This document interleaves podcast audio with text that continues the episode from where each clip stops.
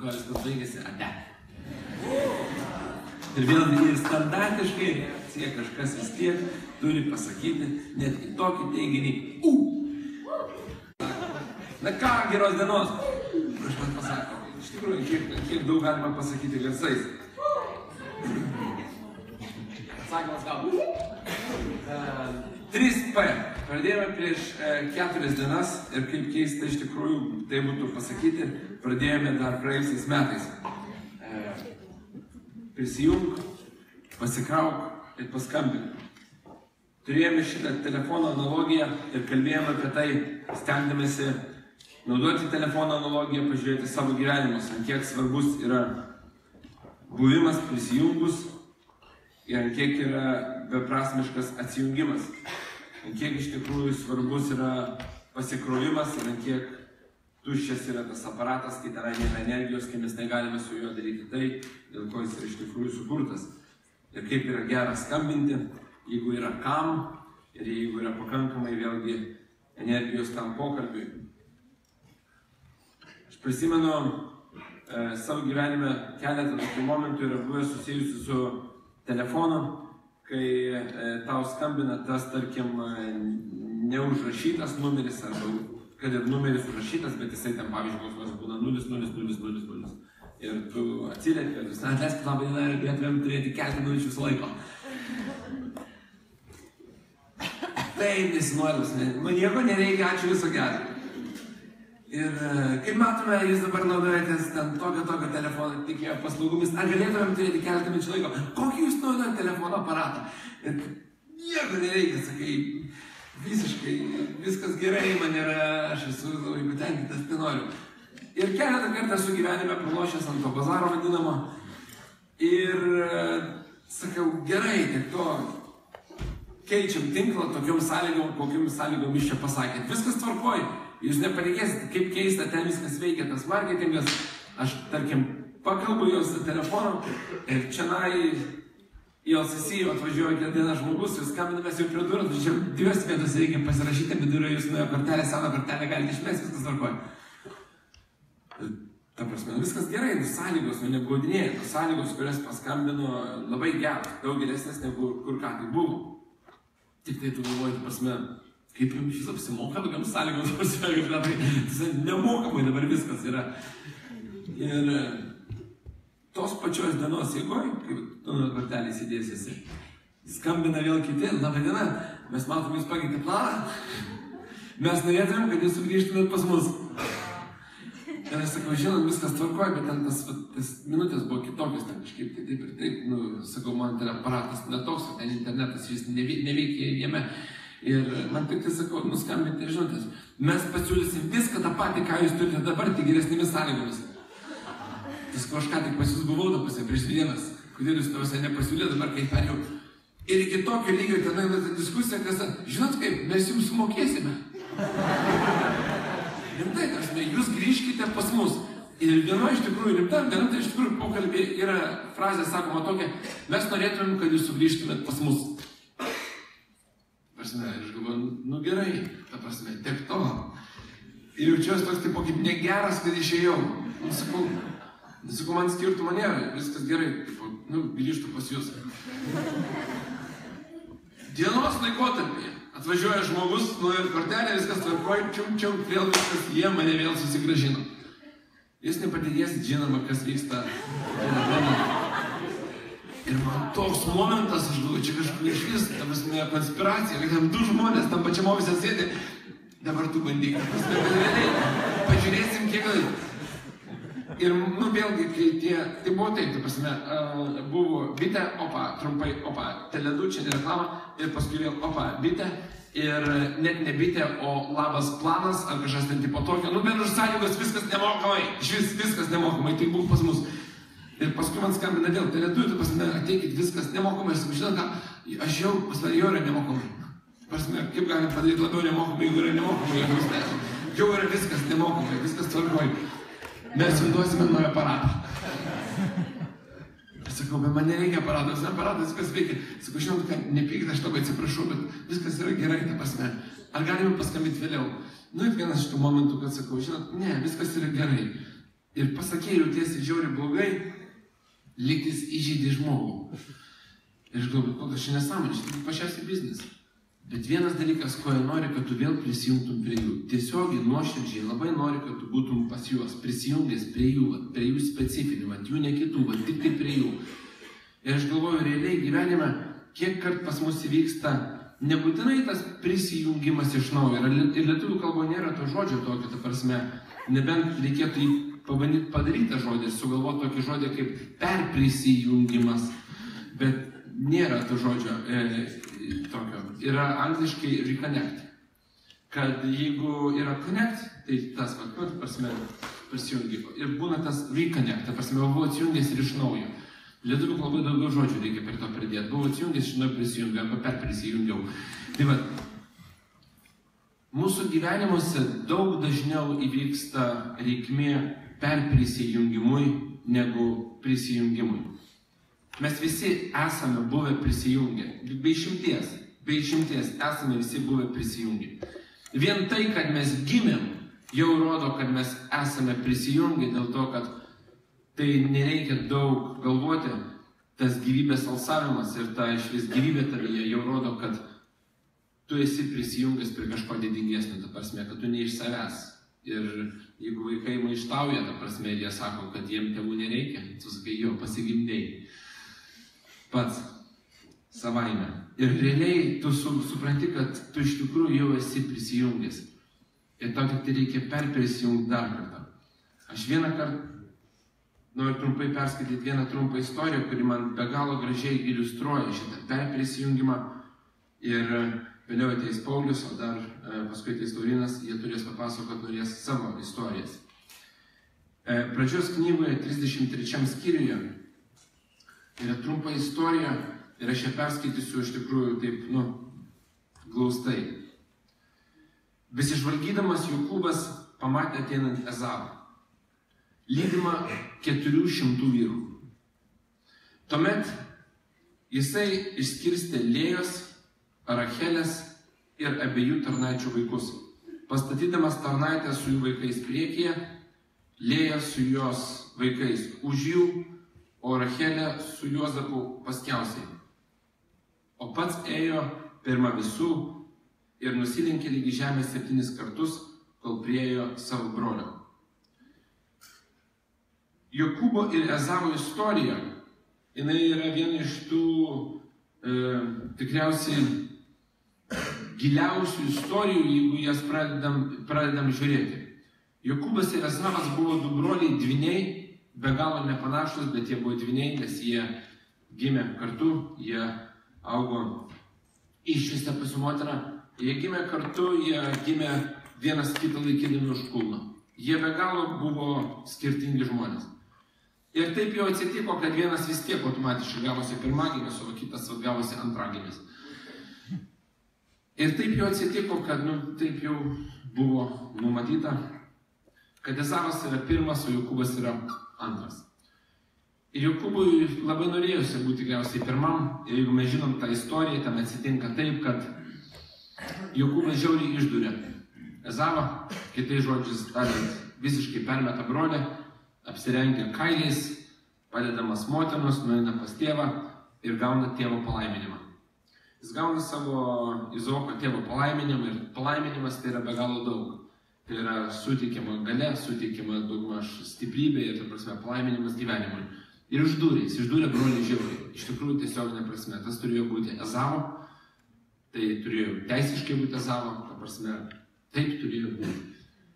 Ir mes matome, žinoma, tai daug gilesnė istorija ir tiek tikėjimo e, požiūrių, kodėl taip įvyko, bet Jokūbo elgesys, Jokūbas pasielgė, na, nu, šlykščiai. Jisai permeta brolį ir žinoma, kada brolis sužino, Jokūbas labiau, kaip mes žinom, buvo mamos sūnus, jisai buvo labiau pas mamą, jis labiau buvo virtuvės, buvo, nežinau, ar tinkama sakyti mamičiukas, bet jisai buvo tas švelnus žmogus. O Ezavas buvo tas, kuris eidavo medžiodavo, kuris būdavo tas laukinis žmogus šeimoje. Ir Jokūbas išsidūręs, jisai tikriausiai, net, kaip pasakyti, net nebuvo toks plaukuotas, jisai turėjo e, kailių užsidėti, prasme, nu, kitai žodžiais tariant, jis nebuvo vyriškas. Ir dar paprasčiau tariant, nu, jisai pasitriokalino labai rimtai. jisai taip pasielgia šlykščiai, kad jisai balsą keičia, jisai išvaizdą keičia tam, kad apgauti visą aplinką. Ir jisai išduri visus, ir kai Jozavas sužinojo, Jokūbas taip įsigąsta, jis pabėga. Jisai pabėga iš namų, slapstosi, jo nebėra, viskas, jo jis ir dingęs. Ir aš tą istoriją nesigilinsiu, bet praeina labai daug metų. Daug metų praeina iki tokio lygio, kad pas Jokūbą yra dvi žmonos, yra Lėja, yra Rachelė ir yra netgi tarnaitės, kurios vėlgi pagal tuometinę tradiciją turi sulaukusios vaikų nuo Jokūbo. Pas Jokūbą yra didžiulė šeima, iš tikrųjų didžiulė šeima, yra dvi žmonos, Lėja ir Rachelė, kas yra vėlgi seserys jos ir yra e, tarnaitės. Bet Jokūbas iki to momento, iki to momento, jisai žiauriai bijo. Ir ta žiauriai bijo tikriausiai geriausiai iliustruoja tai, kad jisai ta prasme, nu, nemiega, nerimauja, pergyvena. Žiauriai bijo to susitikimo su Ezavu ir žino, kad tas susitikimas turi vykti su broliu, kuris išdūrė žiauriai. Ir jisai be galo pergyvena. Ir aš nesigilinsiu į šią istoriją iš tikrųjų labai daug, bet visas skyrius prieš tai, 32 skyrius, kai Jokūbas siunčia iš pradžių pasiuntinius, nu, tipo, patik, patikrinkit, kaip mano brolio nuotaika, dabar, kaip jisai ten atrodo, asmens, įsitempęs, neįsitempęs, žudys mane greitai ar lietai, nu, visi tie momentai. Ir galiausiai jisai jau eina per tokį perėjimą ir jisai sustinka tenai su angelu, Biblijoje rašoma, sustiko su Dievu, grūmėsi ir Jokūbo gyvenimas labai iš esmės pasikeičia iki tokio lygio, kad jam yra duodamas naujas vardas ir Jokūbas yra vadinamas Izraeliu. Vėlgi tai net nesigilinant į tą stiprų pokytį. Bet Jokūbo gyvenimas pasikeičia per tą naktį taip stipriai, kad ryte, kada jis jau turi jau fiziškai jau eiti matomą distanciją sutikti su broliu ir padaryti tą perprisijungimą iš naujo, jisai netgi kitaip išrikiuoja savo šeimą. Jis žinoma iš pradžių pastato tarnaitės, nu, ta prasme, ir jeigu jų žus, žus pirmus. Ir su jų vaikais, paskui jis stato Rachelę. Ir paskui, paskui stato Lėją, paskui jis stato Rachelę su Juozapu. Ir pats atrodo, turėtų eiti paskutinis, ta prasme, varykit. Jis atsistoja eiti priekį ir jisai veda savo tą šeimą į susitikimą su savo broliu. Jisai ėjo pirmą visų ir nusilenkė lygi žemės septynis kartus kol priejo prie savo brolio. O Ezavas atbėgo jo pasitikti, apkabino, polė man kaklą ir išbučiavo. Jie apsiverkė ir pakėlęs akis jisai pamatė moteris be vaikus ir Ezavas klausė, kasgi jie yra šie su tavimi ir įvyksta tas nuostabiausias, aprašytas perprisijungimas šeimos. Kad aš skaitau šitą istoriją, šitą istoriją iš tikrųjų nuostabiausiai atspindi tai, kai kažkas tai buvo padaryta neteisingai. Neteisingai buvo padarytas tas pavogimas palaiminimo, neteisingai kažkuria prasme buvo padarytas ta apgavystė, neteisingai buvo padarytas pabėgimas iš namų, slapstimasis, tai buvo neteisinga, taip turėjo, galsiai, taip galėjo ir nebūti. Ir Jokūbas visą laiką jautė, visą laiką jautė, kad išdūriau, išdūriau, apgavau, kažką padariau ne taip. Mūsų santykė su Dievu aš esu įsitikinęs, kiekvienas iš mūsų esame pridirbę, apgavę, pakankamai pasišiukšlinę mūsų požiūrių jį kad mums šansų jokių net nėra. Ir mes siunčiam tuos pasiuntinius savo gyvenime. Mes klausiam savo draugų, artimųjų, pažįstamų girdė, ar galėtum gal už mane pasimelsti, gal galėtum, tu prasme, užtarti, gal galėtum tą ir tą padaryti, bet pats, pats, žinau, kad esu nevertas. Žinau, kad esu nevertas ant tiek net pradėti eiti į tą susitikimą dėl to, kad esu pakankamai pasišykęs. Tiek kartų ir taip, ten net nėra šansų, ta prasme, bandyti eiti dėl to, kad mano nuomonė užmuš, užmuš. Ir čia, na, besižvalgydamas, Jokūbas pamatė tėvą Tezavą lydimą 400 vyrų. Ta prasme, einu susitikti su broliu ir žinau, bet dabar yra ta mirties akimirka, jie ateina. Mūsų santykė su Dievu identiškai yra tas mūsų įsivaizdavimas, koks jis yra ir mano gyvenimo aplinkybės, kokios jis yra užmuš šimtų procentų. Ką aš esu pridirbęs, pagalvojęs, pamatęs, pasakęs, padaręs, nėra šansų jokių. O vidu norisi to padaryti per prisijungimą, tą vadinamą rekonektą. Taip norisi padaryti vėl, prisiminant, kaip nerealiai būtų būti, turėti vėl brolį. Kaip būtų nerealiai vėl turėti tą brolį, nu, va, tą, iš tikrųjų, Ezavą, dvynį, su kurio gimėm užaugom. Man kiek nerealiai, nu, iš tikrųjų būtų turėti. Kiek metų praėjo, aš jo nemačiau, negirdėjau, visą laiką bijojau. Kiek iš jūsų pažįstamų, kiek jūsų turite tokią nuotrupą galvoj, nu jo vaikystėje kažkada ten baba, tenai mama skaitydavo kažkokias ten istorijas apie Dievą, nu jo ten vaikystėje kažkas tai vykdavo, nu jo ten esu prieėjęs, nežinau, ten pirmos komunijos ar dar kažko, nu jo kažkas tokio būdavo ir tai taip simbolizuoja kažkaip švariai, ta prasme, nu fainas dalykas. Toks fainas filmas buvo, jis sudėtingas labai filmas. Ir mano paskutinė mintis, tame filme, vadinasi Tree of Life, rodo vienos šeimos istoriją. Ir ta biblinė tema tenai yra labai gražiai paliečiama. Kai vyresnysis sunus padaro keletą negerų tokių dalykų ir jis jaučiasi labai purvinas. Ir filmo įgoje eina tos mintis to vaiko. Ir jisai sako, kaip aš norėčiau vėl būti tyras ir kaip aš norėčiau vėl būti geras. Kaip aš vėl norėčiau būti šeimoje. Nieko jis ten blogo nepadarė iš tikrųjų. Bet vidinis jo jausmas yra, kaip aš vėl norėčiau būti toks pat, koks aš buvau prieš padarant va šitą dalyką. Sūnaus palaidūno istorija yra tobulas simbolis to, o kaip iš tikrųjų apie tą dalyką galvoja dangiškasis tėvas ir jo išraiška bėgimo tenai pasitikti grįžtant Jokūbo, grįžtant Ezavo, grįžtant kiekvieną iš mūsų, kad tik tai mes iš naujo perprisimtumėm atgal į santykį su juo.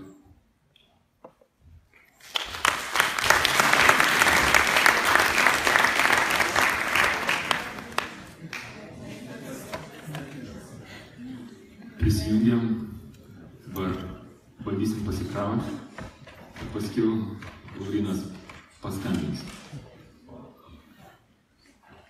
Ačiū labai už tą Jokūbo istoriją, aš irgi dažnai naudoju.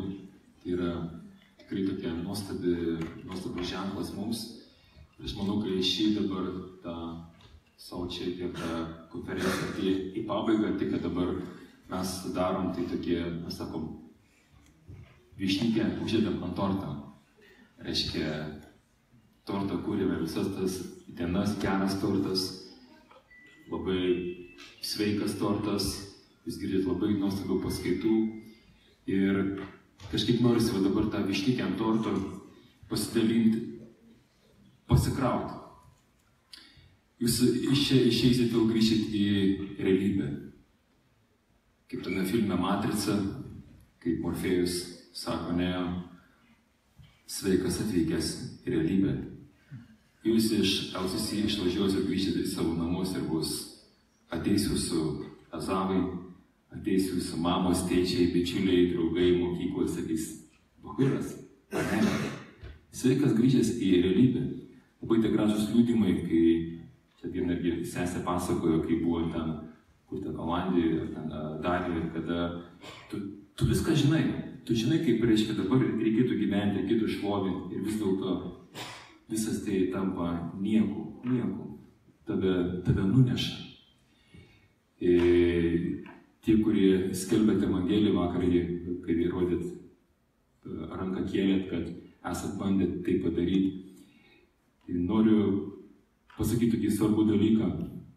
Liaudis, jeigu nebuvot pasikrovę su savo silpna batareika, čia, čia, į mūšį geriau neikit.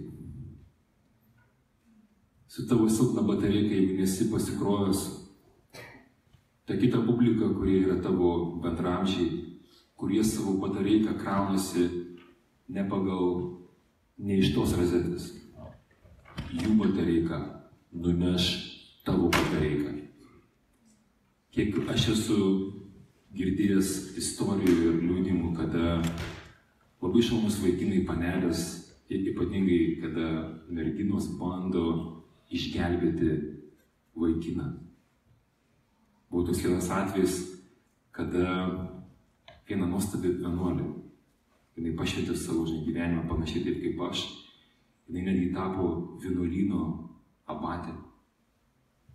Ir tame vienuolyne vaikai, atėjo, kaip sakant, sesės jos gailestingos ir visiškai sudaužyto gyvenimo žmogų vieną vaikiną iš zonos, kuris buvo gatvėje. Sesės priėmė į vienuolyną, jis dirbo sonę. Ir jūs panelės turi tokį nuostabų dalyką vadinamą šeštą jausmą.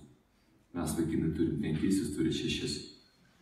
Tas šeštas jausmas yra toksai, kai tu tiesiog jauti virpėsi dvasios kito žmogaus. Tiesiog jumise tą programą yra įdėta. Jūs esate tos, kurios rūpinate savo tą globą, tą tavo motinystę, tai kas tu esi, tu esi kaip ta motina žemė, ne? Tu visuomet matydama bet ką, ypatingai jeigu tai yra ar tai vaikas, ar tai kažkoks var, vargšiukas, bomželis, kaip irgi sesė liūdėva, sako dabar, už jį čia reikės melstis. e, reiškia, jūs labai labai natūraliai tiesiog norit apglėbti, padėti. Ir kažkas tokio atsitiko, kad e, ta netgi vienuolino patė, jinai taip nuoširdžiai stengiasi rūpintis ir atsitiko tai, kad ne jinai jį, bet jisai ją evangelizavo, bet į kitą pusę. Jis paliko vienuolyną, išėjo į pasaulį.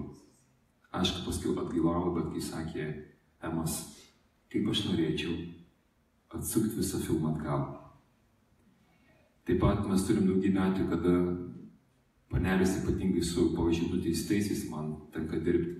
Su jais irgi aš kiekvieną mėnesį važiuoju į Praveniškės, į pirmą zoną. Tenais yra 700, pavadinsiu, bahūrų. Žinot, ką tai reiškia? Tai reiškia nuo 18 iki, kažkur 28 metų. Gražus vaikai. 700 įsivaizduojat. Kai aš juos matau, jie, nu jie žvėriukai, bet jie tie, tie patys nuostabi maži vaikai berniukai, bet jie šetono apgauti, net jie kitaip nemoka. Žinokit, aš buvau nustebęs, jie sugeba ten zonai būdami sulaužyti merginų gyvenimus. Pasiskambina, įsivaizduokit, zonai sugeba suviliuot panelės, jos, jos puola tuos vaikinukus gelbėti, žinai, jis ten buvęs narkomanas. O kaip jie moka šnekėti, fantastiškai, žinokit, kalba viską ten. Tu tiki, jie sugeba netgi e, sukurti šeimą būdami zonai, sugeba turėti mašiną, sukurti romaną su kita laisvė, neįsivaizduoju kaip. Su ta išsiskirsiu aš kaip paklausau tų žinai liūdimų, kam čia reikalas. Ir žinot, panelės, jos yra paprastai tikinčios. Ir žinote, kame yra reikalas? Jos mane, kad jos gali su savo, su tai, ką, ką, ką jos turi, va, kažkas savo šeiterį sudalyvavo, kažkas galbūt metus laiko klausosi nuostabių pamokslų, yra dalyvauja evangelizacijose, atrodo daug ką moku ir įsivaizduoji ir momentas yra, kai tu atrodo, va dabar aš tą žmogų, o tikrai va dabar aš jį tikrai išgelbėsiu Jėzui, būkite sargus. Yra vienas mažytis paprastas dalykas. Jeigu tu per dieną neišbūni pasijungęs maldoj, tavo patarėja yra silpnai pakrauta. Tuo tarpu pasaulio vaikai, tamsos vaikai, jie online su šetonu, su pasaulyje, pastoviai būn pasijungi, pastoviai. Kai tu ateini su savo dviem padalytę maldos arba su viena padalytę maldos, tu ateini pas tą, pas ką yra va tiek padalų, iš pragarus yra pasikrovęs savo jėgos. Tave paprasčiausiai nuneš. Ir kalbu ne tik tai apie tai, kad tik tai jūs, kurie esate pasaulyje gyvenat, ar ne, kalbu ir apie mumis, vienuolis, kaip pasako šitą įvykį, atrodo, sesutė vienuolė, apatė, ją nunešė. Noriu, kaip ir Emas paminėjo vieno Biblijos personažo istoriją Jokūbo, noriu aš papasakoti trumpai labai apie kitą personažą, apie vakar, vakar apie jį jau minėjau, Danielius, pranašas Danielius Biblijoje apie jį tai rašo šeštam skyriui. Danieliaus, kai karalius, Persijos karalius Darijus, jisai, tie karaliai keitėsi jam, tam Darijui karaliui apie 60 metų, tai brandus vyras ir taip toliau. Tai yra tuo metu pati pati galingiausia valstybė pasaulyje, taip kaip dabar galbūt šiuo metu būtų Junktinės Amerikos valstijos su kiečiausia kariuomenė, ten yra šimtas štatų, šimtas štatų buvo. Ir kiekvienas štato gubernatorius, ne, jie, reiškia, jie visi buvo, turi būti atsakingi trim uh, ministrams. Ir vienas iš tų ministrų yra Dievo išrinktas žmogus Danielis, kuris buvo kietesnis už visus kitus ministrus. Karalius Darijus jį labai mylėjo. Ir uh, didelė atsakomybė pranašai Danieliui buvo tai, kad jisai visą laiką laikėsi savo principų, kuriuos jis buvo išmokęs viešpas. Jis yra išrinktos tautos žmogus, taip kaip kiekvienas iš jūsų. Ir ten labai gražiai šitam skyriui yra rašoma, kad pasi buvo labai griežta dienotvarkė. Jisai kiekvieną dieną, kiekvieną rytą turėjo langą karaliaus rūmuse, tai yra, jis gyvena toli Persijoje, kažkur Irane, bet langas, žino, kad langas yra Jeruzalė. Jis negali grįžti pas save namo. Tai vyks tik tai po karaliaus Kyro e, edikto. Bet jisai kiekvieną dieną, kiekvieną dieną tą, patį, tą, tą pačią valandą, jis tris kartus atsidaręs langą meldėsi viešpačiui Dievui. Ir e, konkurentai, kaip panašiai vyksta ir Lietuvoje, ir kitose valstybėse, matydami, kad jis yra vienas iš kečiausių valstybė, kad jis yra to karalius darė favored, reiškia, nu, mylimas, mėgiamas, jam lygių nėra, jo autoritetas buvo toks didelis, tai konkurentai, kurie norėjo jį nušalinti, jie sužaidžia labai gražiai įstatymais. Jie įkalba, ten žinot, kaip kartais, vat, kaip įkalba savo karalių dar jau, padarom tai, davai mėnesį, nu pabūk dievų, ką? Nu, kur, nu kuriagi karalius nenorėtų pabūti bent mėnesį dievų, žiūrėk. Sutariam taip, išleiskim tokį įstatymą. Tu reiškia, išleidai mėnesį laiką, mėnesį laiką niekas, niekas karalystė negali melstis jokiam kitam dievui. Tik tam. Kaip tam pasiūlymas? Aišku, nerealiai. O, mėnesį laiko. Niekas kitas, į jokį kitą dievą, tik tai į mane. Ir karalius, nu, karaliai neskaito labai ten daug tarp eilučių tų įstatymų, ten tų visų niuansų. Žinai, jis laisvai padėjo parašą. Ir tada priešams tik to ir tai reikėjo. Danielių jie padeda videokameras jo kambarį, mikrofonus pajungia, žinot, spets tarnybos ir seka, sako, ką dabar darys Danielius. Danielius turi išmanę programėlę, jam Dievas buvo instaliavęs. Jis visas kameras jaučia. Plus pas yra trečiakis, jis jau kečiausias pranašas pasaulyje. Jis mato visus, visus, visas, visas blakės, visus, visus mikrofonus, mato, kaip jo telefoną kiekvieną kartą pasiklauso žvalgybą.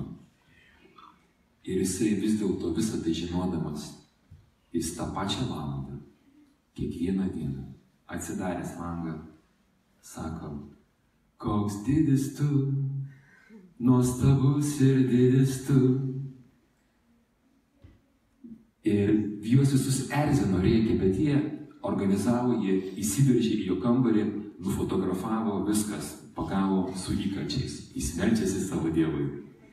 Ir kada ateina pas karalių Darių, sako, pagavom vieną tavo rūmose, šnipą, prasidavęs kitiem dievam neapkatavom. Kas toksai karalius? Danielius. Oh, Danielius. Savo karalių įstatymas jau galioja ar ne? Galioja. Svočiai, niekšai, ką padarėt, apgavot, vakarų čia visą. Va, kodėl jie man norėjo prastumti tą įstatymą, va dabar pagalvojau.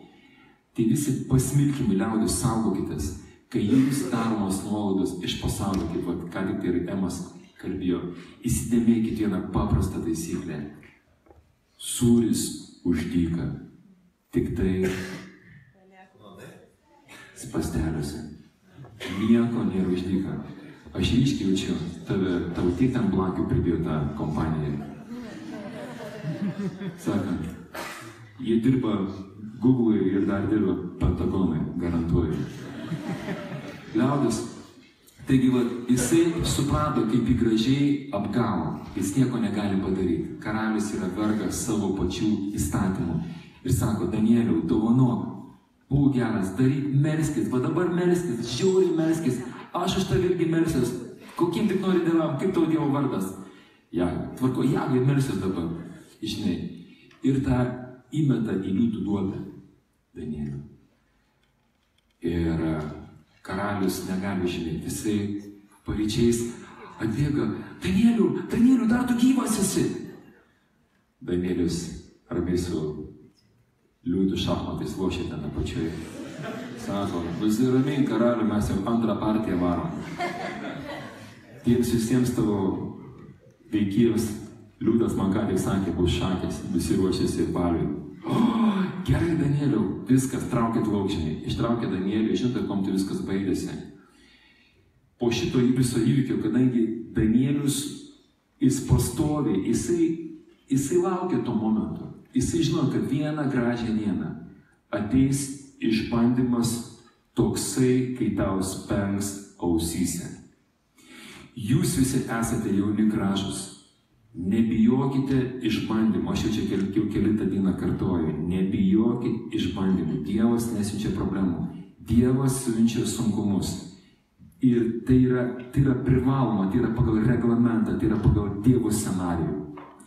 Bet, mėlyjeji, jeigu tu žinai, dabar tu girdėjai šitą žodį, kurį tau ištari, žinau, kad Danielius ir daugybė personažų, jeigu jūs tikrisit, yra paštalas, evangelistas Jonas, jie visi ištikimai nevogė maldos laiko su Dievu. Jeigu aš, mėlyjeji, vokčiau laiką kaip brolis vienuolis, liaudis nieko nereiškia mano atsivertimas nieko nereiškia, kad aš turėjau tokią malonę, kai pats Dievas man apsireiškė, kai aš mačiau šviesą, kai aš girdėjau balsą, kai Dievas man parodė nuostabių dalykų. Mėlyjei, viskas tai bus ištrinta, ištrinta, nebus užskaityta niekas, niekas. Jeigu aš žinodamas Dievo planą, skaitydamas Bibliją, kuriam sako viešpas, būdėk, Pauliau, būdėk ir melskis. Kažkas iš jūsų galbūt abejojate, va, kaip labai daug gražiai liudyje, ne, šiandien ryte, sakai, aš, bet aš, aš galbūt esu bloga šlovintoja, gal aš negalėsiu kurti. Suprantat, jeigu tu ir atrodo, kad tu galbūt neturėjai pašaukimo būti šlovintoja, labai nuostabiai šventas Augustinas, va jisai kietas vyras yra, tai tas, iš kurio galima tikrai ko mokytis, jisai sako, neturi pašaukimo, nebijok. Melskis ir tu įgausi. Turi pašaukimą šlovinti, turi pašaukimą pamokslauti, turi pašaukimą šeimai, turi pašaukimą vienuolystėje, būti kunigu, turi galbūt pašaukimą būti prezidentu. Drebėk ir melskis, nes jį prarasi. Kiekvieną dieną, kas bebūtų, mažiausiai valandą. Kodėl sakau mažiausiai, kadangi Jėzus Getsemanės sodė. Jam taip jisai mato dabar, kas dabar bus. Bet už kelių, už kelių valandų Petras jį išduos tris sykius. Jie visi įsilakstys. Dvylikos rinktinių vyrų komanda. Ir jie visi mėgojo. Jie nebuvo online. Kartu su Jėzumi.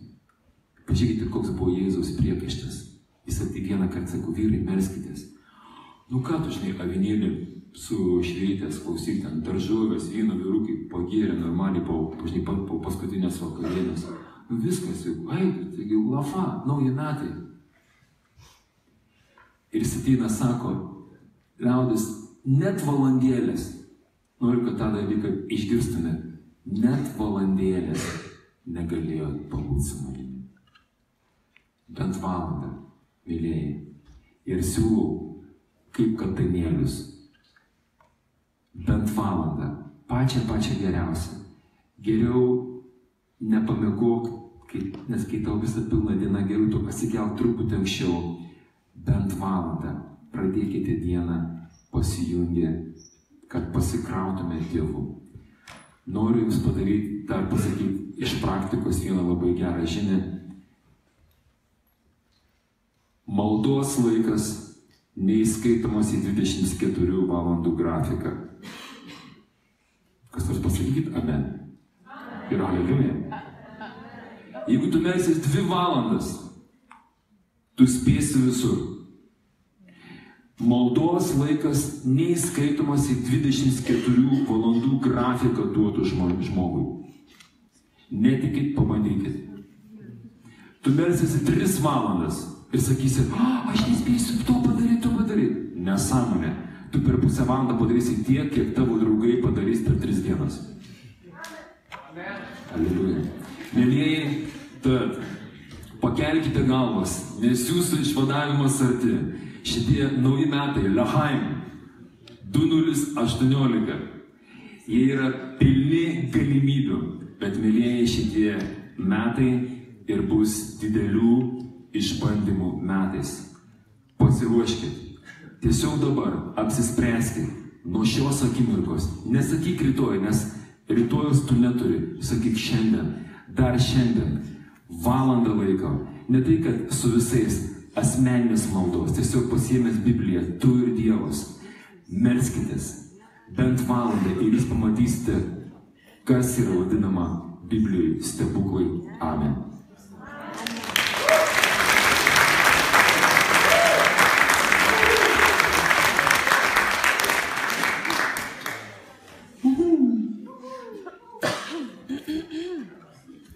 Paulius, kai kalbėjo, aš prisiminiau, po o čia kiek dabar tik galvo pakėliau, tikrai mažėja žmonių. Uh, nieko. Yra tas, kas turi būti.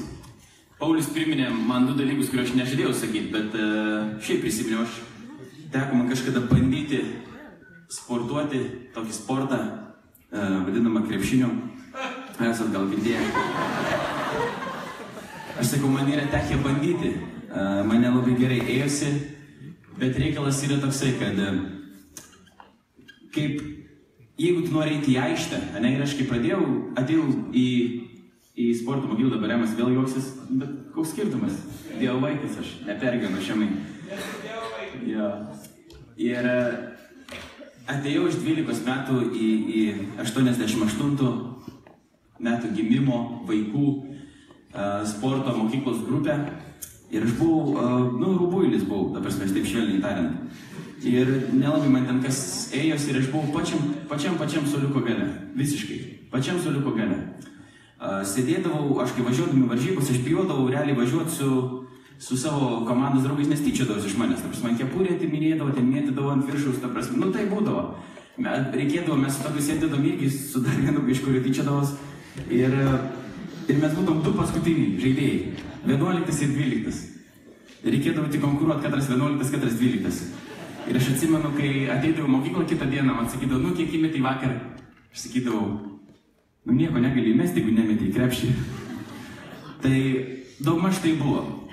Toj pačioj pradžioj. Bet jeigu nori, nu realiai, jeigu tu nori išeiti tą aikštelę, jeigu tu nori ką nors padaryti, bet tu neskiri, neskiri laiko tam.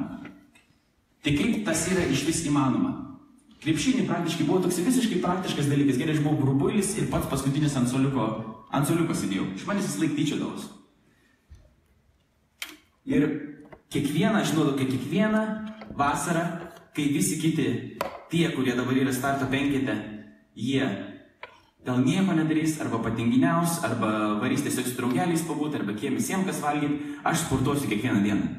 Susiradau nabarniką, vis dviese, sportuojant kartais aš vienas pats sportuodavau ir dirbdavau, kiekvieną vasarą dirbdavau, dirbdavau, dirbdavau, dirbdavau, dirbdavau. Nu ir nebebuvau toksai rubuilis tada, pradėjau jau ten, va, buvau septintų žaidėjų, tenais po tai starto penketą ir visa kita. Gerai, čia nu vienas dalykas. Per tą darbą kažkokį ne, aš patekau į aikštelę. Bet ką aš noriu pasakyti? Į tą aikštelę patekęs, aš greitai iš jos turėjau vėl dingti. Mano ta mini karjera prasidėjusi baigėsi 22 metų. Kodėl? Nes aš į tą aikštelę išėjau nepasiruošęs. Aš dirbau, bet aš dirbau tik tais savo ir tik tais tam, kad aš galėčiau būti matomas, kad galėčiau žaisti ir visą kitą. Ir mano, sakykime, įgūdžiai buvo pagerėję, mano gal ten išoriniai tie raumenys buvo pagerėję, čia fi- fiziškai, grinai kalbu fiziologiškai. Bet tuo momentu, kai aš buvau paauglys, mūsų komandai pradėjo birėti žmonės. Tiesiog, ne žodžiu prasme, vienam stuburui išvarža, kitam kelienas, kitam dar kažkas, nes visi dirbo tiesiog, kad būtų geresnis rezultatas trumpalaikis aikšteliai tuo momentu ir būtų išoriškai viskas gerai, bet fizinių, tų vidinių raumenų niekas nebuvo uždirbęs. Normaliai visi pradėjo birėti. Ir aš subirėjau 22 metų. Pabuvau aikšteliai kelis metus, kažkokį lygį pasiekęs ir subirėjau. Stuburo išvarža, raištis kelio nutrūko, viskas. Ir aš į tą aikštelę normaliai ir nebegalėjau niekad sugrįžti. Čia ta analogija su to, kad jeigu mes galvojam, kad mums tiesiog užtrunka, kaip Paulius sakė, net tokį vieną padaryti, eiti į kovą, eiti tą aikštelę, mums užtenka, mums neužtenka, net jeigu užtenka trumpą laiką, klausimas yra, ar mūsų tie vidiniai raumenys yra ištreniruoti. Ar mes esam pasijungę, ar mes esam išsitreniravę maldoj ir vaikščiojame kasdieniam su Dievu, nes Šetonas ir jo vaikai pasaulyje, jie yra stiprus ir mes net negalim kišti tenais nosis, jeigu mes patys nesam išsitreniravę. Vienas iš tokių pavyzdžių, jeigu skaitysite paštalų darbų knygą, tenais yra rašoma taip, kaip prasidėjo po Kristus prisikėlimo krikščionių bažnyčia ir yra toks terminas vardojamas pilni šventosios dvasios. Aš dabar, jeigu gerai, neatsimenu kiek tiksliai, ar 17 kartų tenais yra, keliolika kartų vartojamas yra tas terminas ir jeigu kas ten yra, aš žinau, įvairių skirtingų bažnyčių mokymų, ką reiškia būti pilnam šventosios dvasios, vieni sako, tai ten kalbėti kalbom, tenais kiti tai pas tavi stebuklaiškai reiškia, aš kai skaitau Bibliją, ne, ne tai aš matau. Aš matau, kai yra parašyta, kai buvo apaštalai pilni šventosios dvasios, ką jie darydavo, jie skelbdavo Dievo žodį su jėga ir džiaugdavosi, nepaisant to, kokius susilaukdavo reakcijos. Visą laiką patikrinkit patys, neimkit mano žodžio, patikrinkit, paskaitykit. Pilni šventosios dvasios apaštalai eidavo ir skelbdavo Dievo žodį. Ir tai darydavo su jėga. Vienas iš tokių pavyzdžių yra ketvirtam skyriui, kur yra parašyta, kai apaštalai skelbė, ne tik apaštalai, bet Jėzus mokiniai, tie pirmieji krikščionys skelbė Dievo Evangeliją, Kristus Evangeliją. Jie susilaukdavo kažkokio tokio panašaus rezultato, kad vienas buvo, viena situacija buvo tokia, kad prigresinę paleido juos, oi, atleiskite, aš netą skaitau šitam skyriui. Pasišaukė paslaus, nuplakdino juos ir uždraudė kalbėti Jėzaus Kristaus vardu ir paleido. O tie ėjo iš tarybos džiaugdamiesi, kad dėl Jėzaus vardo užsitarnavo paniką. Jie nesiliovė kiekvieną dieną mokyti šventykloje bei namuose ir skelbti gerąją naujieną apie Mesiją Jėzų. Jiem pasakė, neskelbit tos naujienos, nuplakdino, o jie apsidžiaugė. Nu, ta prasme, glušiai atrodytų vis, visiškai pasaulyje. Jie apsidžiaugė, kad buvo atmesti dėl Jėzus vardo ir toliau ėjo ir darė priešingai, negu jiems sakė. Nes jie darė kai, tai, ką jiems sakė daryti Dievas, o ne žmonės. Aš noriu tokį porą trumpų pavyzdžių uh, jums, su jumis pasidalinti. Uh, irgi iš uh, biblinių biblinių asmenų, apie kuriuos yra aprašyta viena iš Senojo testamento, viena iš Naujojo testamento. Viena iš jautriausių istorijų man pačiam skaityti yra Ozėjo istorija, jeigu kas esat girdėję. Esu pasakodamas apie ją arba skaitęs ją verkęs ne vieną kartą, nes tai paro, jinai yra istorija apie Dievo meilę taip, kaip Dievas myli žmonės.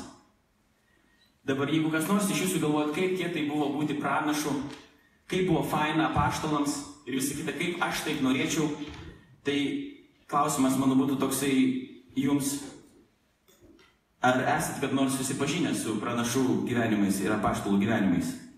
Čia vienas yra jų pavyzdys, vienas pavyzdys iš jų. Ozėjų Dievas ateina ir kalba. Tiesiai Ozėjui sako, jis yra Dievo išrinktas pranašas, Dievas su juo bendrauja labai intimiai. Ir jis yra parašyta. Pirmas įkalbėdamas per Ozėją viešpats tarė Ozėjui, imk Eik ir imk žmoną savo moterį kekšę ir turėk vaikų kekščių, nes kraštas pamesdamas viešpati daro didelę kiekšystę. Taigi jis ėjo ir paėmė žmoną, Diblamo dukterį Gomerą ir į tapo nešį ir pagimdė jam sūnų. Į vieną pastraipytę sudėta. Dievas pasakė Ozėjui, imk pasim moterį prostitutę, kekšę, kuri yra sanguliavusi labai daug vyrų, turėk vaikų kekščių ir tenais aš neskaitysiu dabar tos istorijos, nes mes neturim toliau laiko, jeigu įdomu patys paskaitykit. Ir Ozėjas eina ir paima, nes taip Dievas liepia.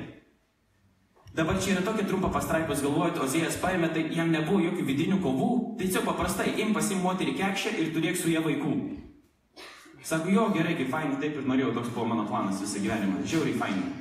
Ačiū.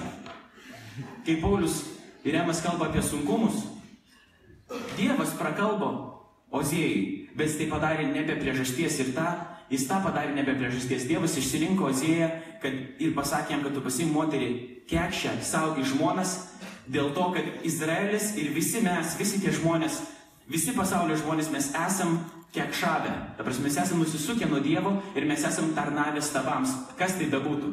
Aš pats, kitas žmogus, pinigai, karjera, seksas, nesvarbu kas, tai yra kekšystė Dievo akise. Nes jis vienintelis yra vertas to santykio ir vienintelis yra vertas šlovės.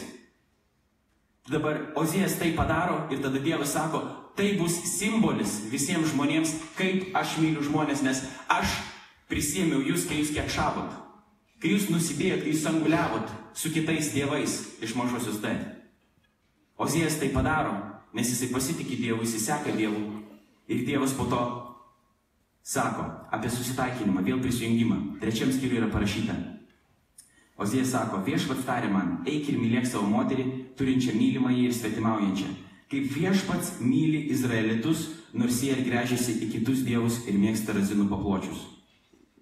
Sako, Dievas taip myli žmonės, Dievas taip myli mus, Dievas taip myli jūs, kiekvieną iš jūsų, nors mes visi kiek šaum nusidėjom su kitais dievais.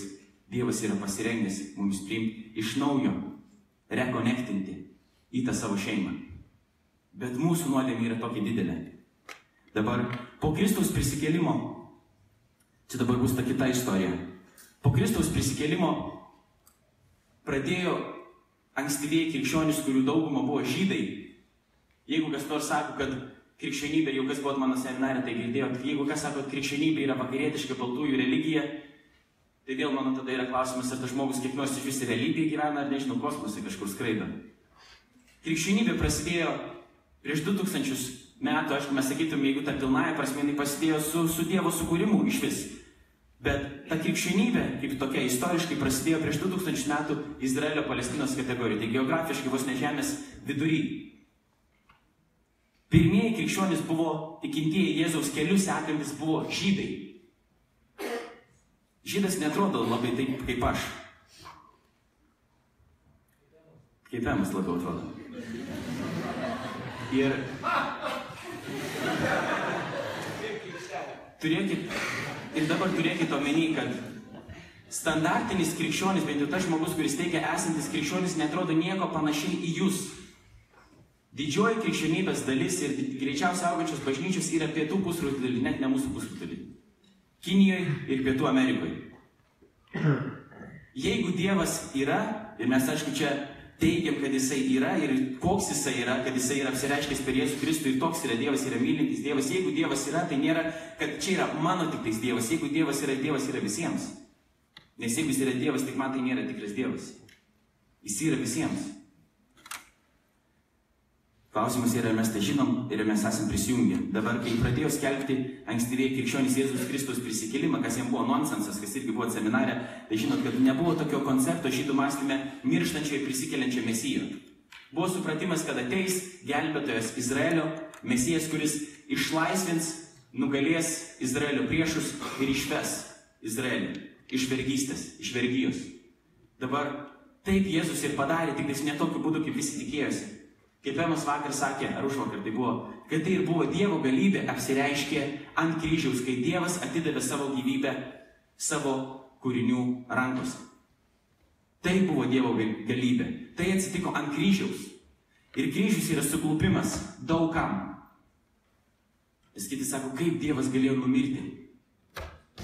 Kaip Dievas galėjo tai padaryti, ar jis yra Dievas ir tai yra Dievo galybė, kuri atrodo vieniem yra suklupimas, tiem yra kvailystė, Dabar buvo toksai fariziejus vardu Saulis. Jisai buvo pasišventęs sunaikinti šitą judėjų ereziją, judaizmo kilusią ereziją, vadinamą keliu. Tai nebuvo vadinama krikščionybė, pačioj pradžioje tai buvo vadinamas kaip kelias. Jis buvo pasišventęs sunaikintą kelią, prižiūrėjo pirmųjų krikščionių nužudimus. Ir jisai ėjo į Damaską, daugelis žino tą istoriją. ir jam apsireiškė Jėzus. Jėzus sako, Sauliu, kodėl tu mane persikėjai? Sako, kas tu esi viešpatė? Sako, aš Jėzus, kurį tu persikėjai. Paulius buvo apakintas trim dienom, po to jisai, jisai ėjo į Damaską, įvyko ta atsivertimo patirtis, jisai ėjo sunaikinti tų, sunaikinti to judėjimo, Jėzaus judėjimo, ir jisai tapo vienu iš tų, kuriuos žadėjo sunaikinti, kuriuos norėjo sunaikinti. Jis ėjo į Damaską, po to apsisuko, pradėjo visiškai kitą pusę. Tai yra kaip simbolis tos atgailos. Paulius buvo visiškai transformuotas, gimęs iš naujo. Ir dabar jūs pagalvokit a, tokį palyginimą, duosiu aš jums. Aš turiu draugą, kuris sėdėjo kalėjime, irgi, nežinau, kalėjime, tai buvo a, tiesiog įkalinimo įstaiga, nes Lietuvų kalėjimas yra vienas, tai Lukiškės. Ir jisai buvo už uh, dalyvavimą ten plėšime ar vagystį kažkur pasodintas, jisai prieš tai vartojo narkotikų ir alkoholio ir visą kitą ir panašiai. Ir jisai galiausiai ten kalėjime jam, buvo pradėt, jam pradėjo siūsti Biblijos eilutės, tenais viena mergina kaip laiškais, kažkas panašus, jis galiausiai išėjo, įtikėjo, ten ilga istorija, aš kažkiek iš šono turėjau, Dievas davė malonės pamatyti tą jo, sakykime, tikėjimo pasiryžimą, ei, sekti paskui viešpatį Jėzų Kristų. Ir jisai grįžo į savo mažą miestelį, nesakysiu, ta prasme, kas tiksliai, po kelių metų Jis tame miestelį buvo žinomas kaip, nu, mužikas, plėšikas, ta prasme, nu, tas, nu, va, iš tų. Ir jisai grįžta dabar į savo mokyklą, pas tas pačias mokytojas, kurio žinojo, koks jisai yra, ir susirinkime vienam jisai pasakoja jiems apie Jėzų Kristų, kaip reikia visiems tikėti, kaip jisai yra išgelbėtas, kaip jisai a, gyvena dabar Dievui, kad ir kaip jam, ta prasme, sekasi ir nesiseka, ir jis skelbia gerąją naujieną tiem mokytėm. Tie mokytojai nesupranta, tie, kur matė žmonės, Taip, čia galima jo tikėtis, jums apgavinėja, ko jisai nori, dabar pinigų nori išvilioti, kas, kas čia vyksta, jiems nesuprantama yra. Tai su Paulium, su Saulium tuo metu dar buvo dar sudėtingiau. Jis, pradėjo, jis tada pradėjo skelbti gerą naujieną apie Jėzų Kristų ir jūs, jeigu kas galvot, kad prieš 2000 metų žmonės buvo durnesni negu mes, čia yra chronologinis snobizmas. Nebuvo taip. Jie žinojo, ta prasme, jie biškai gaudėsi e, tuose visos situacijos, kad šiaip savo žmonės neprisikelia, vienas dalykas. Kitas dalykas yra, kad tas, kuris ką tik mumis persekiojo, jeigu jis dabar ateina, sako, ne, ne, ne, aš esu kartu su jumis, jie nesako, o, kaip fainai. Jie, nu, nejauku biškiai, čia iš tikrųjų gal jis nori mumis užmus, gal čia infiltruojas, ten tas blakės, visokias mikrofonus nori prikaišyti ir visa kita. Bet Paulius pradėjo skelbti gerą naujieną apie Jėzų Kristų. Ir irgi buvo nužudytas už tai. Įkalintas, sudužęs, laiką gavo naują vardą, kaip vat, Paulius pasako, jis buvo Dainius, jis pasirinko Pauliaus vardą.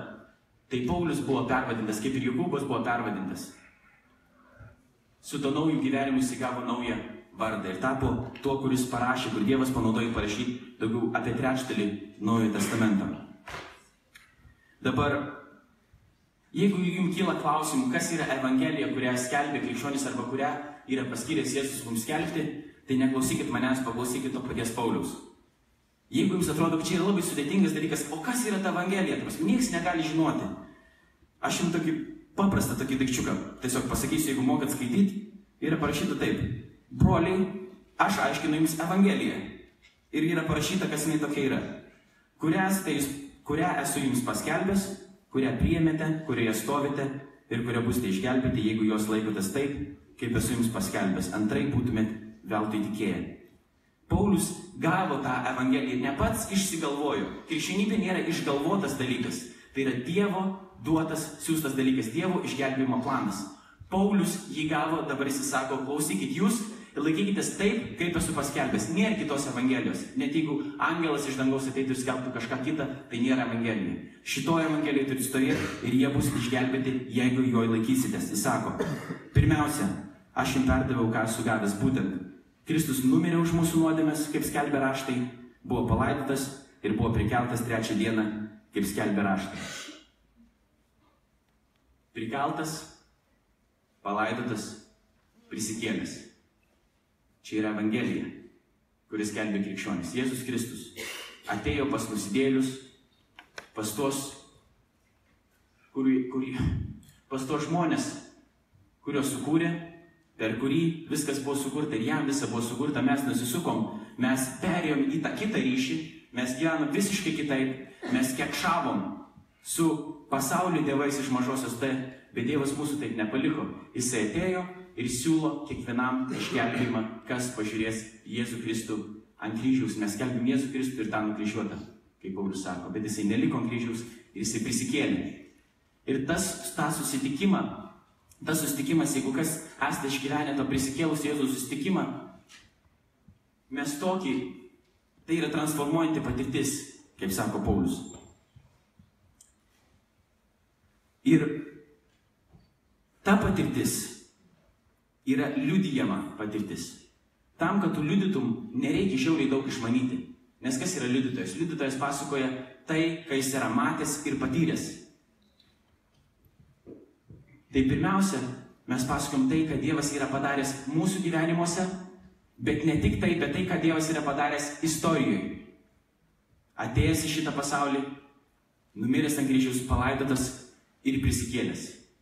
Apskritai ir kiekvieno mūsų gyvenimuose.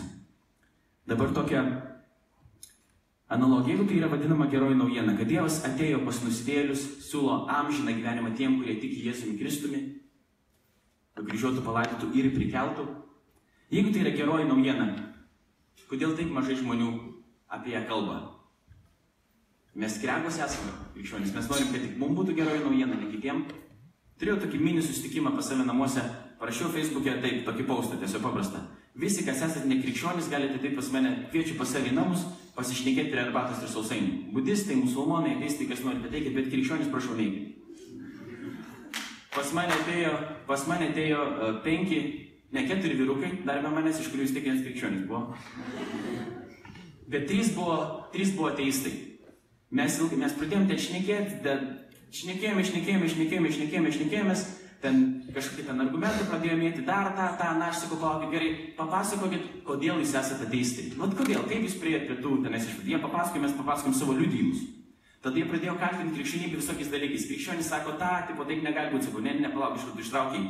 Čia kaip ir Pauliu irgi tu sakė, viena babutė sakė, nu, tipo, vos ne taip. Sakau, ne taip krikščionis tiki. Sakau, o taip. Tada vėl kažką sako, sako, sako, sakau, ne, ne, ne, palauk, ne taip yra, o taip. Ir tada galiausiai aš jiems pasidalinau Evangeliją ir jie sako, jeigu tu iš tikrųjų tuo tiki, sako, jeigu iš tikrųjų krikščionis tuo tiki, kodėl tiek mažai krikščionių apie tai kalba? Aš sakau, amen, aš pats nesuprantu. Sako, palauk, aš nesakau, kad taip turi būti. Nu, dabar jau pasakėjai, bet, bet jisai nenori, kad tai būtų, bet iš tikrųjų jis pamatė tą Evangelijos grožį, ateistas, žmogus iš šono, jis turėjo neteisingų supratimų, jis pamatė tą Evangelijos grožį. Dabar aliusi vėl su tais telefonais. Sorry, baigiu. Įsijungia Facebooką, mato dabar solčiai, kurie tipo, vieni kitus fotogra nu, prifotografuota tenais, arba kažkokių vaizdų, aš čia prie jūros dabar esu, žinai, ar ten dar kažką.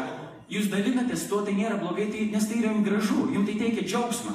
Jūs norite to pasidalinti su visų pasauliu, jūs fotkinate, prasme, kas važiuoja work and travel ten Amerikai, tipo, kiekvieną dieną po 77 nuotraukas.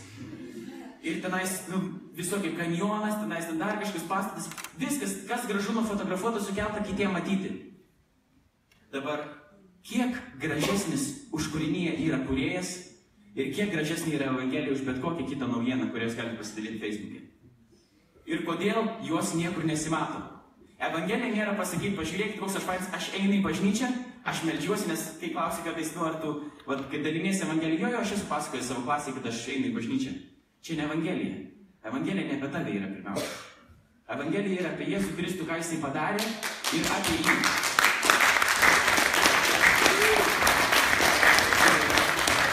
Nu, plojimai, plojimais viskas tvarkoja, tik kad kas nors keistųsi mūsų visų gyvenime, skaitant ir mano. Po to, kai mes čia išeisime. Bet tai yra apie jį.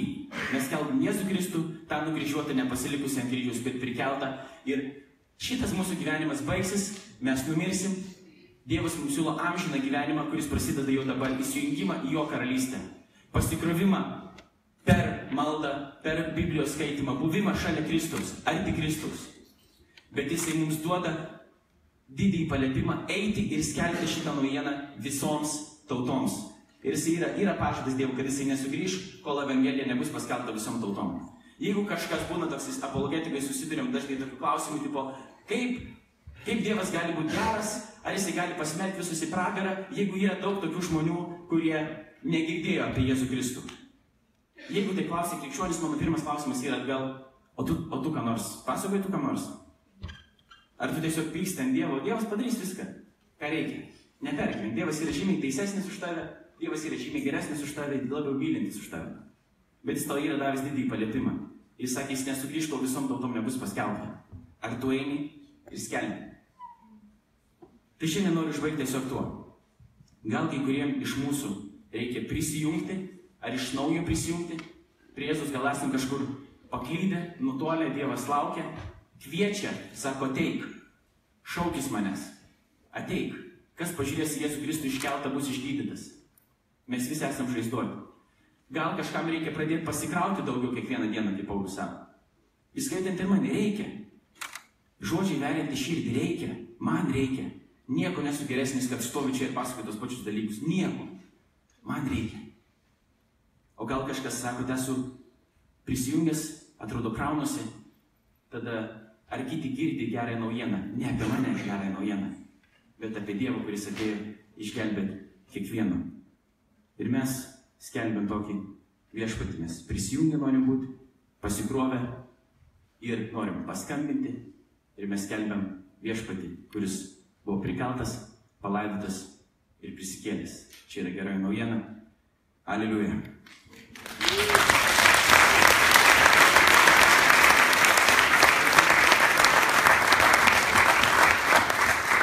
Ir dabar visi plojimai, kurie yra plojimai, te būna, uh, te būna Dievui visą laiką ir tik tais jams, jam. Neveskit nei manęs, nei išlovintojų, nei dar nieko į pagundą, uh, iš, išdidumą aš rimtai labai sakau.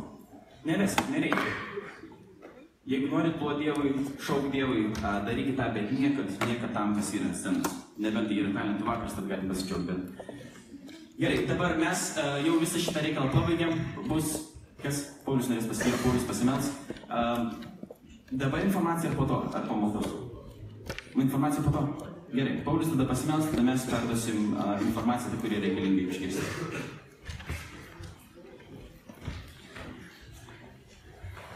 Aš tikrai noriu padėkoti Laurinui ir Emui. Žinokit, aš taip klausiausi, kaip jūs vyrai pamokslaujate ir man, žinokit, man širdis kaip sakant, nu, kraujuoja ne iš tokio, nu, iš tokio, iš tokio apmaudo, sakau, kodėl mano broliai, kunigai, vienuoliai, viskupai šitaip nepamokslavo.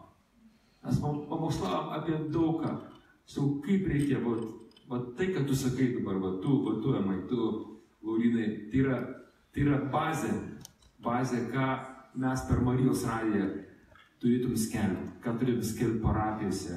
Mūsų, atrodo, katalikų milijardas, 300 milijonų pasaulyje, bet kiek mažai tų, kaip tu sakai, kurie skelbia ne apie mūsų gražias bažnyčias, ne apie mūsų nuopelnų, kiek yra mūsų daug pasaulyje katalikų, bet kurie skelbia Evangeliją. Gal jūs, turite nuostabius mokytojus, turite nuostabius vadovus, žinau, kad turite nuostabių pastorių. Tikrai klausykitės, ką jie daro, stenkitės tai įgyvendinti, ne? Ir aš sakau, ten prisirašiau jūsų žodžių minčių, tai dabar pamokslausiu katolikam. Dabar, mėlyje, Ten išsistėdė, mes esam tavo akivaizdai, esam tokie, kokius mūsų kūrė, be galo gerius, pagal tavo atvaizdą ir panašumą. Viešpatie, dėkojam tau, dėkojam tau šitą nuostabį Lahaim laiką, nes tavo valanda atėjo. Viešpatie atėjo, mes esam šimtmečio vaikai, esam tos nepriklausomos Lietuvos, kurie buvo duotas vienas šansas ir dabar duodamas antras šansas būti laisvais. Būti laisvais ne tik išoriai, būti laisvais viduje. Tėve, Jėzaus Kristaus vardu. Tiesiog dabar.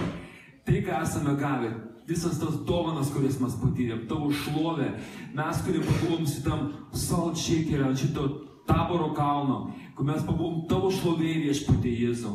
Kaip norėtųsi padaryti taip, kad čia norėtųsi stovėti čia palapinės ir mes iš čia nenorėtume išeiti. Mes viešpatė esam tau be galo, be galo dėkingi. Dėkingi už šitą, šitą galimybę būti vienos širdies, vienos dvasios. Taip mes tau dėkojom, kad galėjom šitai pradėti tuos naujosius metus, tą naują, naują prabudimo erą. Prabudimo laikmetį Lietuvoje, tėve. Mes taip tau dėkojam už šventąją dvasę, kuri čia vaikščia iš širdies į širdį, tiesiog mus visus puošia, audai tą nuostabų tavo vestuvių drabužį su tuo aukso siūlu, kuris vadinasi tavo meilė ir tavo šlovė. Mes tau už tai dėkojam, tėve. Dėkojam Dievui už jaunystę, už talentus, už tą didybės sėklą, kuri Dieve mūsų yra įdėta ir tu ją pasiruošęs dar padidinti. Dėkojam Dievui už kiekvieną žodį, kurį mes girdėjome ir kitas žodis, kuris atkeliavo mūsų kietą diską. Štai čia Dieve, kai tos 20 cm. Viešpatie, kuo greičiau pasiektų širdį, tenais apmirtų ir duotų šimterio pavaisių išganimui. Mes tau dėkojam, Tėve, už tai. Mes tau taip pat atsiprašom už kiekvieną išdavystę, kurią tu matėjai mano asmeniniam gyvenime. Mes, Dieve, atsiprašom tau už tą drungnumą, apie kurį tu kalbėjai, kad jeigu būsim ir toliau tokie drungni, tu mus išvemsi, kai tu ateisi, tu, tavo, tu nesigerėsi manimi. Dieve, mes atsiprašom už tą, bet už tą su pasaulėjimą, atsiprašom Dievui už tą tingumą, Dieve atsiprašom už tai, kad naudojam talentus, kad tą didybės sėklą esam sėję ne tuose koordinatėse. Atsiprašom viešpati Dieve ne tik už save, bet už savo brolius ir seseris kurie, ne, kurie, kurie netvyko čia, kurie galbūt liko namuose, Dieve, atsiprašom už savo tėčius, mamas, draugus, Dieve, kuriems buvo paskelbta Evangelija Dieve, ir jie liko prie to, su to, to sugedusios, sulūžusios geldos, Dieve, prie to seno gyvenimo. Ir dabar tiesiog dabar mes tau, Tėve, norime, tavęs norim prašyti, prašyti tavo malonės, pažvelg dabar kiekvieną iš mūsų kaip Dieve, tu pažvelgi, kai kūri tą pasaulį. Ir kiekvieną dieną, kai tu sukurdavai viešpatį, tu pažvelgdavai, ištardavai ir pasakydavai, ir buvo gera. Dieve, kai tu sukūrei mane, kai tu sukūrei žmogų, kai tu sukūrei šitą nuostabią bendruomenę, šitos nuostabius jaunus vaikinus ir paneles. Dieve, tu ištari ne vieną kartą, tu ištari du kartus. Gera, gera. Ir viešpatė, tu vainikavai visą kūrinyje, Dieve, sukurdamas žmogų. Mes tau viešpatie norim atiduoti šlovę. Dieve, mes norim prašyti tavęs malonės. Ta darba, kurį tu visi pradėjai. Dieve, ištreniruok mumis. Paversk mus tais rinktiniais įrankiais. Kad tau, Dieve, nebūtų gėda šių metų pabaigoje, kai tu ateisi antrą kartą gyvų ir mirusių teisti, kad tau nebūtų gėda dėl mūsų. Bet viešpatė, kad tu kiekvienam iš mūsų čia esančiam galėtume ištarti, šis yra mano mylimas sunus, ši mano mylima dukra, kuriais aš geriuosi.